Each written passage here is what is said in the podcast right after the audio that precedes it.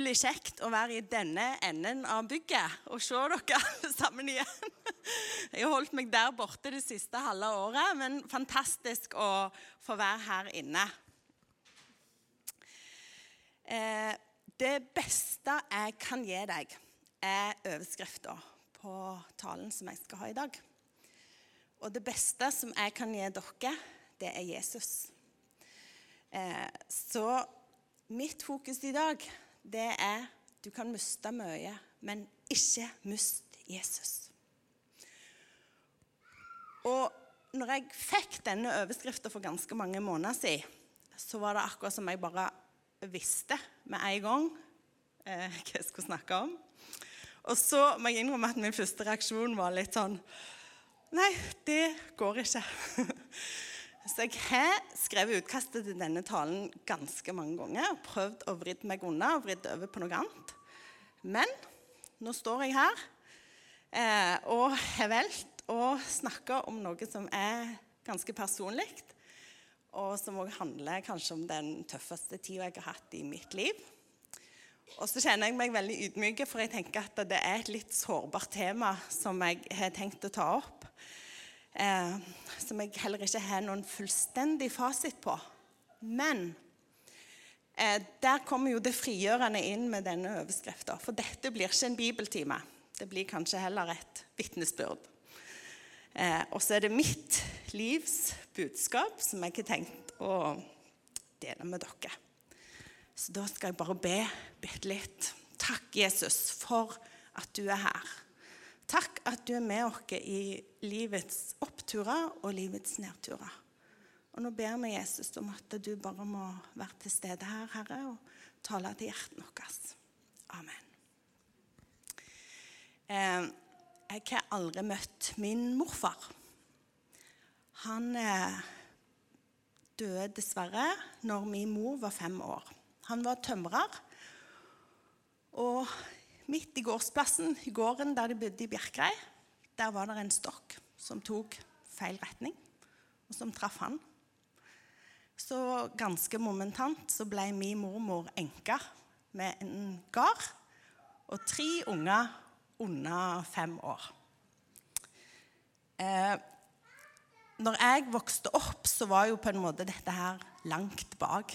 Eh, så det var liksom normalen. Min morfar hadde jeg aldri truffet. Nå gifta mormor seg igjen, og både hun og ungene klarte seg veldig, veldig bra. Mormor hun hadde ei sterke tru. Og hun opplevde at trua var en styrke for henne i den situasjonen som hun var i. Hun sa at når hun hadde det utfordrende, så gikk hun til Gud.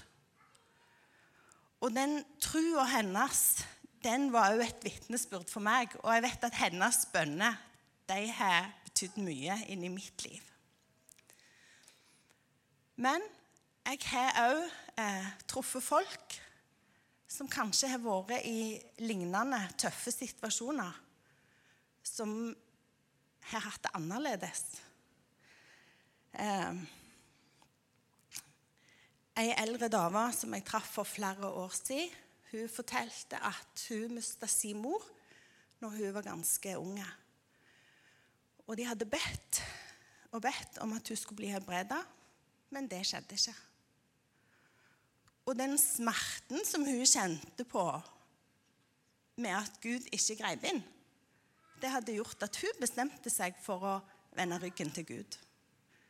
Så hele sitt voksne liv så hadde hun levd uten Gud. Og vi vet jo alle at livet kan være brutalt. Altså Det kan være så ekstremt vondt og urettferdig. Og noen ganger så skjer det som ikke skulle skje. Og Noen ganger så tar livet en helt annen vending enn det vi hadde tenkt og planlagt og sett for oss. Eh, og jeg tenker at det kan, også, det kan gjøre noe med troa vår. Velsignelse og bønnesvar det kan vi oppleve styrkende for troa. Og så kan vi oppleve at når de tingene på en måte uteblir, når de ikke er der, så kan vi gjerne kjenne at det er vanskelig å ha den samme tilliten til Gud. Det kan til og med utfordre trua vår. hva gjør vi da? Hvor går vi hen med disse opplevelsene som vi sitter med? Og jeg vet ikke om Kanskje vi ikke alltid er så veldig flinke til å snakke om det. Og at det blir en sånn ting som en gjerne går litt med alene. Eh, og i mitt liv så har jeg heldigvis blitt skåna for sånne traumatiske ting som min mormor opplevde. Men nå har jeg snart levd i 50 år, og etter hvert så har jeg med meg en liten historie, jeg òg. ehm, og så tror jeg òg at opplevelser som kanskje er mindre dramatiske og inngripende enn det å, å miste noen på den måten, det tror jeg òg kan sette ganske dype spor i oss og gjøre noe med oss som mennesker og med troa vår. Og Oddmund og min sin historie den handler jo bl.a. om to ungdommer som hver for seg var skikkelig gira for misjon. Han på Østlandet og jeg her borte. Eh, og når vi, Før vi traff hverandre, så hadde begge vært i Afrika. Vi hadde vært på team. Vi visste at vi ville ut i misjon. Og vi, når vi traff hverandre, så var på en måte framtida beseila. Det var rett ut så fort vi kunne.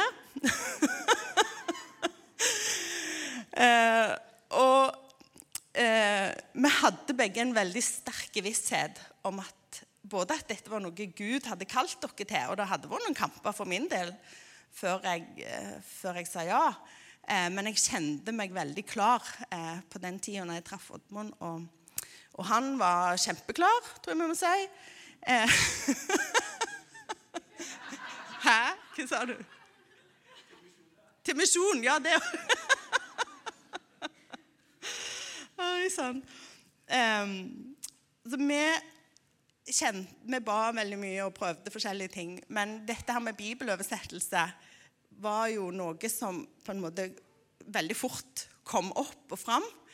Eh, bibeloversettelse i Afrika og Mosambik ble på en måte veldig klart for oss. Og vi opplevde at det, var noe Gud ville at vi skulle inn i. Eh, det var liksom det beste vi kunne tenke oss å få lov å være med på å gi Bibelen noe, og Guds ord til noen som aldri hadde hørt om det før.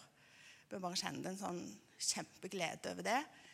Um, og vi syntes jo det gikk ufattelig treigt, men det kom liksom stadig eh, bekreftelser. Vi fikk jo støttepartnere fra USA før vi i det hele tatt var skikkelig ordentlig opptatt som misjonærer. Og Betelhummersåk var jo fantastisk. Kom inn på et tidlig tidspunkt og ville støtte dere og være med og sende dere ut. Um, det var mange bønnesvar, og dørene åpna seg etter hvert. Vi reiste til Mosambik og gikk all in. Og syntes vi var utrolig heldige som fikk lov å være med på dette.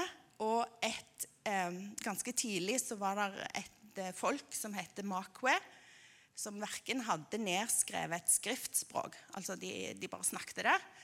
Eh, så de hadde selvsagt ingen bøker, eller ingen kunne lese det språket, for det fantes ingenting på det.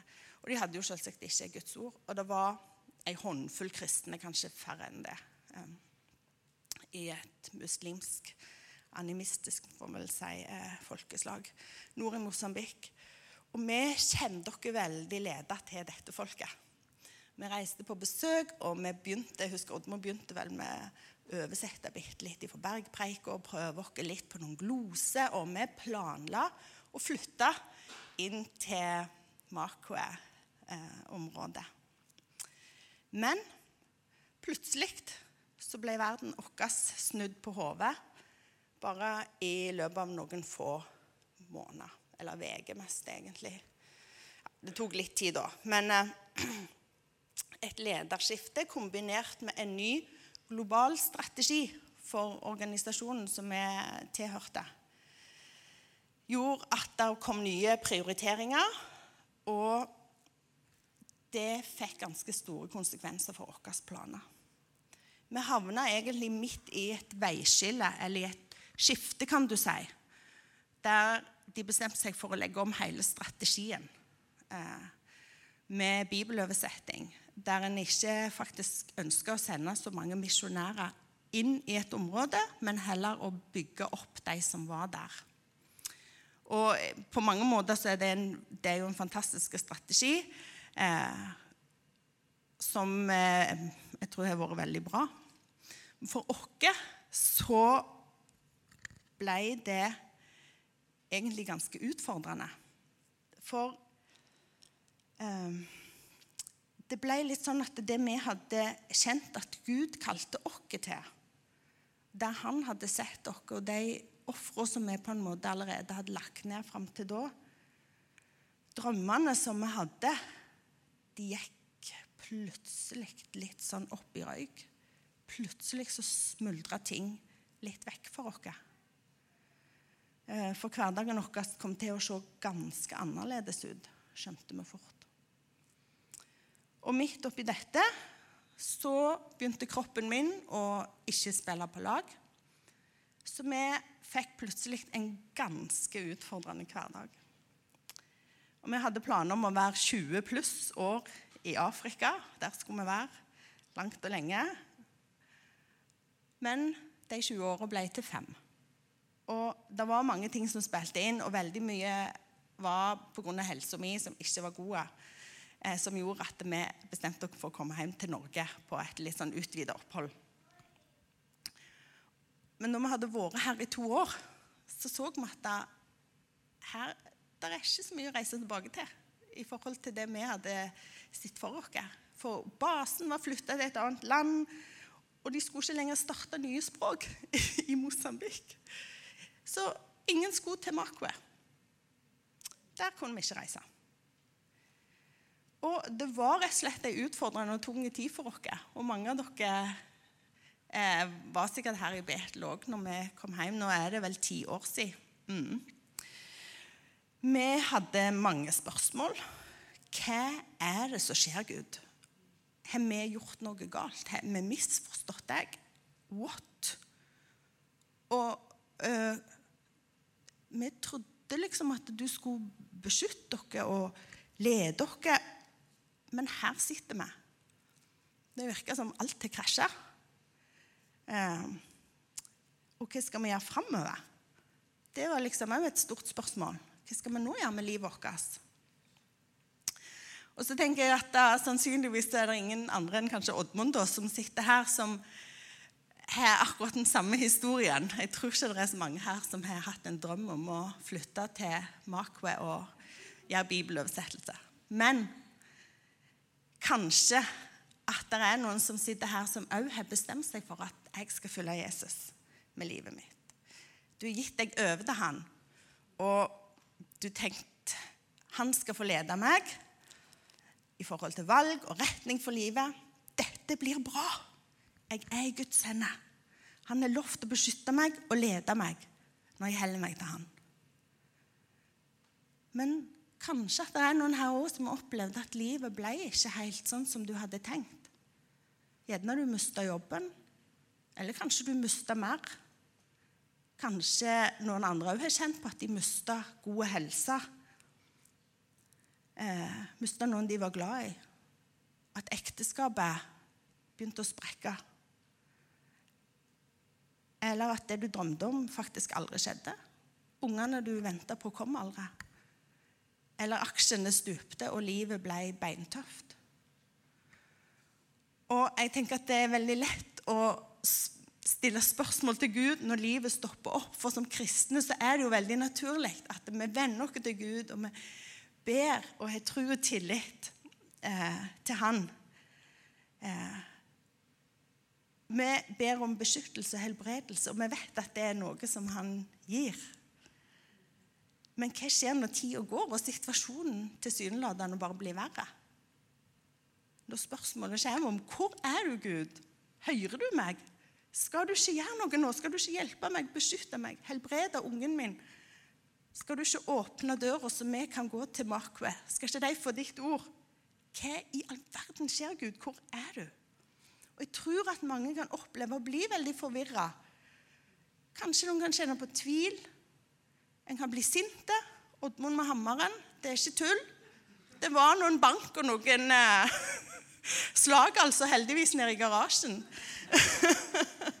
Men frustrasjonen, den, den var ganske tydelig en stund. Og en kan oppleve å bli skuffa. En kan bli skuffa på andre mennesker. En kan bli skuffa på kristne. En kan bli skuffa på menighet. En kan bli skuffa på livet. Noen kan gjerne kjenne på skuffelse overfor Gud. For min del så kjente jeg veldig på dette at da, ja, men Gud, vi har jo opplevd det så vanvittig tydelig at dette er det du vil. Hvordan kan det ha seg at når dørene åpner seg, ting lagt seg til rette, at dette her stopper opp? Så jeg gikk jo lenge og bare tenkte Gud kommer til å ordne opp. Dette kommer til å ordne seg. Yes. Eh, misjon og bibeloversettelse det er jo midt i Guds vilje. Hvordan kan dette skje? Men etter hvert så begynte jo jeg òg å stille noen spørsmål. Har vi, hørt feil? Har vi gjort noe galt? Var ikke dette Guds vilje? Var vi ikke gode nok? Og så tenker jeg at jeg tror, Grunnen til at jeg deler dette nå, er jo at jeg tror gjerne ikke jeg er den eneste som har kjent på akkurat de tingene. Og jeg tror at når vi møter krise og motgang i livet, så tror jeg ikke det betyr at Gud er langt vekke. Jeg tror ikke det betyr at han har glemt dere. Eller at han ikke hører bønnen vår. Selv om det kan oppleves og føles sånn. Jeg tror heller ikke at det at vi opplever motgang og at livet går imot, er en straff. Eller et tegn på at vi har valgt feil eller gjort galt nødvendigvis. Det er klart at det kan jo være at vi har gjort ting som vi må ta konsekvensene av. Eller det kan jo òg hende at vi har kjørt dere inn i noen spor eh, som gjerne er litt på sidelinja. At vi kan ha vrengebilder av Gud og, og, forskjellige ting som det faktisk kan være sunt å ordne opp i. Eh, men her er det jo enormt mye, og det er jo et helt tema i seg sjøl. Eh, vi hadde jo en taleserie i fjor vel om det ondes problem, eller noe i den retning. Så Jeg har ikke tenkt å gå veldig inn på det, altså, men jeg tror årsakene der er både åndelig motstand og Stort sett tenker jeg vi lever i en fallen verden. Ting er ikke perfekt rundt dere. Heller ikke kristne. Ledere gjør feil. Det er livet. Eh, og til og med i Bibelen så finner vi men, eh, eksempel på mennesk som levde med Gud, og som opplevde motgang. Isak, for eksempel, eh, han var jeg husker den historien, så var det en tjener som på en måte skulle finne kona Rebekka til han. Og De ble veldig klart ledet av Gud.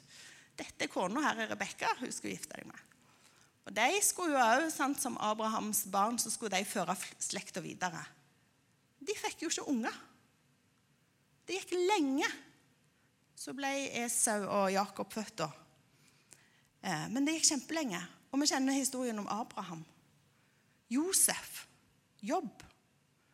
Det er en hel liste på folk i Bibelen som, som opplevde motgang, og der livet ikke gikk på skinner. Og før Jesus skulle dø, så hadde han òg en liten samtale med Peter. Han, Jesus visste at Peter kom til å gå ei tøff tid i møte. Og så sier han, 'Jeg er ikke bedt for deg', sa han til Peter. 'Jeg er ikke bedt om at trua di ikke må svikte'. Lukas 22, 32. Det ba Jesus om. Og jeg tenker jo litt sånn i mine tanker at hvorfor ba han ikke bare om at Peter skulle få slippe? At Peter ikke skulle havne i disse her vanskelige situasjonene og få det tøft. For det hadde vel kanskje jeg bedt om. Men Jesus ba for trua hans. Og jeg tror at trua er noe av det mest dyrebare for Gud. Tro på at Gud er den han sier han er, selv om omstendighetene sier noe annet. Ei prøve tru lutra i ild, står der i Bibelen. For tru, det er tillit. Tillit til Gud òg når det stormer, og når vi ikke forstår. Hebreerne 11,1, der står det men tro er full visshet om det en håper, over bevisning om det en ikke ser. Og Videre i Hebreerne 11 så kan vi lese om mange av troas menn og kvinner som måtte lide og som måtte gå gjennom tøffe ting. Og vi kaller det gjerne trosheltene i det kapitlet, alle de som er oppramsa der. Og vi kan jo òg oppleve at vår tro blir prøva. Velger vi da å følge Jesus og holde fast på trua, selv om det virker som alt rundt dere raser? Eller mister vi Gud av syne? Og hvordan kan vi kanskje unngå å gjøre det da? Og her tenker jeg, Det er jo heller ingen fasitsvar, og alle situasjoner er jo forskjellige. Men så var det dette, denne overskrifta, da. Eh, 'Mitt livs budskap'. Og det som jeg kjenner at jeg har lyst til å dele med dere, som er min, min lille erfaring Der har jeg liksom noen punkter her eh, som har vært viktige for meg. Eh, knagger i mitt liv. Og det første det er det vil si at om alt raser, da trenger i alle fall Jesus.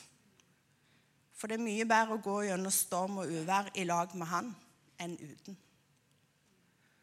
Så jeg vil bare si at om du har det sånn, så fortsett å holde deg til Jesus. Hold fast på at han er nær. Han hører deg, og han vil utfri deg.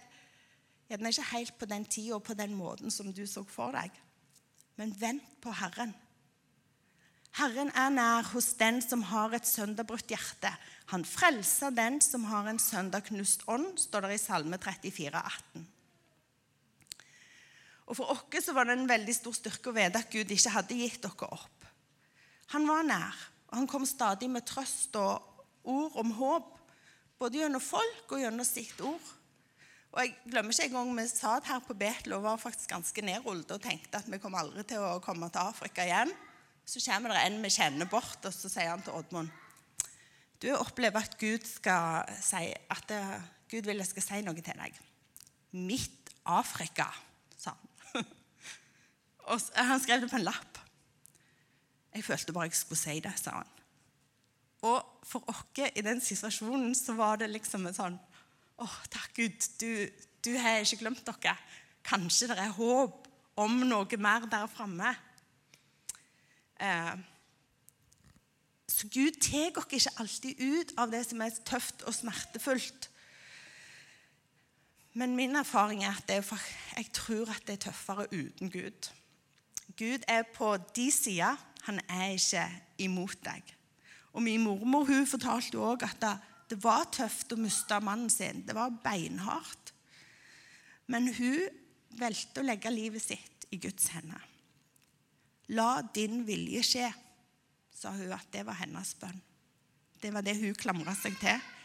Og hun sa at hun fant trøst i å tilhøre en Gud som var større enn omstendighetene. Og hennes tro på Gud og bønn var en enorm bærebjelke i hennes liv. Helt til døde som 90-åring. Og jeg tenker litt at Tro handler gjerne ikke egentlig om å være så sterke. Men det handler om at Gud er sterke og at vi kan lene oss på Han. Og så tenker jeg at Trua er egentlig heller ikke noe vi skal prestere. For det handler ikke om vår personlige styrke. Jeg tror at tro òg kan få være å hvile. Og For meg så fascinerer det meg når jeg ser folk som har gått gjennom tøffe ting, sånn som min mormor.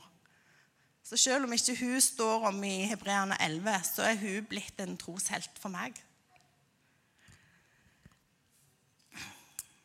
Har, jeg tenker sånn at hun har kjempa den gode strid og bevart troen. Og så eh, har jeg òg lyst til å si en annen ting som har blitt eh, viktig for meg, eller som jeg har sett. Det er tilgivelsens kraft. At vi ikke undervurderer den. Både det å tilgi andre, men òg å be om tilgivelse sjøl. Og jeg har kjent meg såra, vingeklippa, urettferdig og feil behandla noen ganger i livet. Og det kan være kjempevondt å oppleve at noen tar avgjørelser på mine vegne som får konsekvenser for meg, som jeg opplever negative. Og For noen år siden så var det, var, det gjaldt egentlig både meg og Oddmund litt. Eh, men vi var i en situasjon som var ganske inngripende for oss, som opplevdes veldig låst. Eh, og det er ikke ofte jeg er i sånne konflikter, rett og slett. Eh, men det har altså skjedd. Og jeg opplevde at en person på ledernivå Det var ikke her på Hummersåk. Eh, en person på ledernivå opplevde jeg at hadde liksom satt med iallfall 90, helst jeg tror egentlig 99% av skylda for at vi var i den situasjonen vi var i, og for at ting ikke løsna og gikk videre. Det opplevdes kjempetøft. og jeg hadde bedt Gud, og så sa jeg men ok, jeg velger å tilgi. Jeg vet at jeg må gjøre det. Jeg opplevde at jeg skulle gjøre det. Eh, og ønska ikke at noe bitterhet skulle vokse fram, og gikk noen runder. Men etter hvert som tida gikk, så opplevde jeg her er det et eller annet. Det, det stanger, det løsner ikke. Hvorfor kommer vi ikke videre? Det var, det var, ekstremt frustrerende. Så hadde jeg sett av en formiddag og, og skulle be, litt spesielt over dette. Og da var det akkurat som Gud liksom kom litt sånn Du, eh, har du noe å be om tilgivelse for?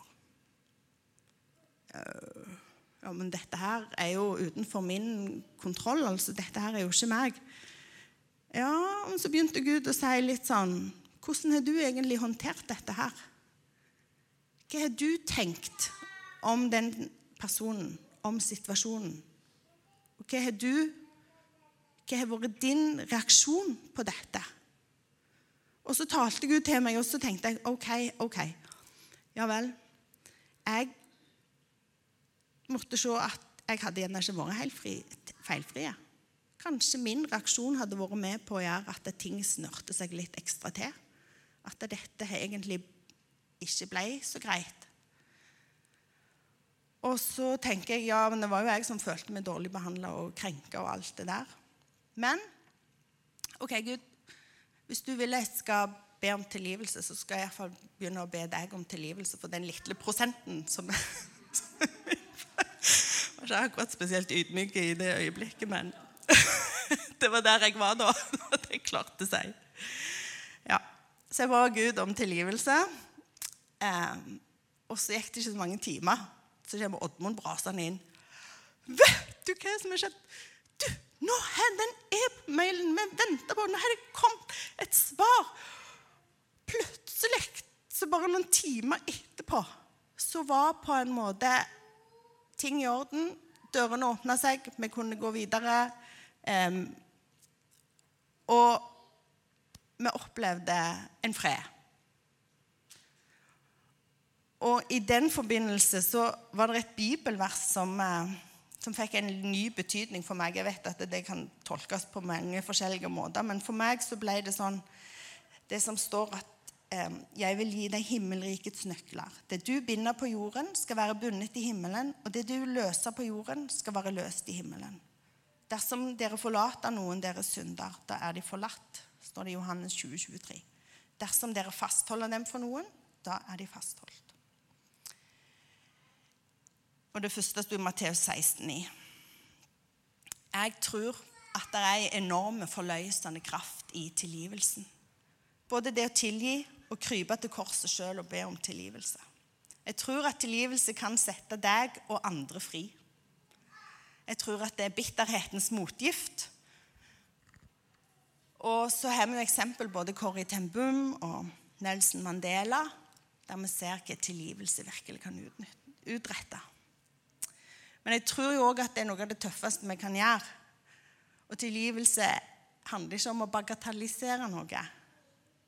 Eh, men jeg velger å tilgi fordi Gud har tilgitt meg. Og så tenker jeg òg det siste her, at med Jesus på laget, så er det håp. Gud kan vende en vond og vanskelig situasjon til noe godt. Dere tenkte ondt om meg, sa Josef til brødrene sine i Egypt. Men Gud tenkte det til det gode. Og han kan beskytte og helbrede. Og det har vår familie fått opplevd. Eh, vi fikk nye oppgaver etter en stund, og Oddmund leder nå flere oversetterprosjekt i det sørlige Afrika.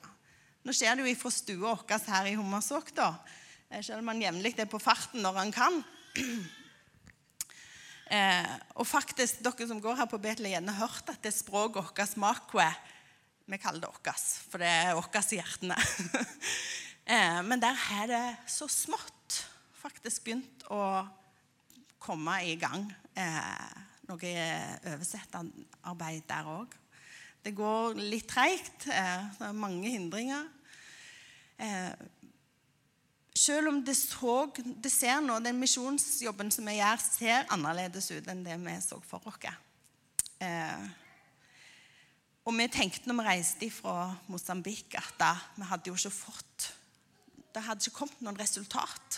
Så vi følte det jo kanskje på en stund ganske sånn rart å ikke reise tilbake. Men det vi ser nå, det er at det grunnlaget som vi la da, det har nok eh, begynt å spire.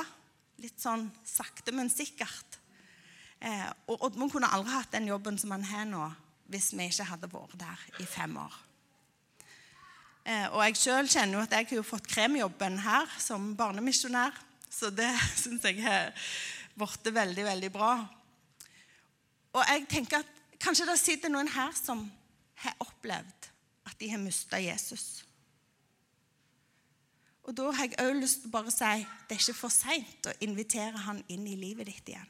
For hun eldre dama som jeg traff, som jeg snakket om tidligere, eh, hun var syk, og hun visste òg at hun ikke hadde så lenge igjen.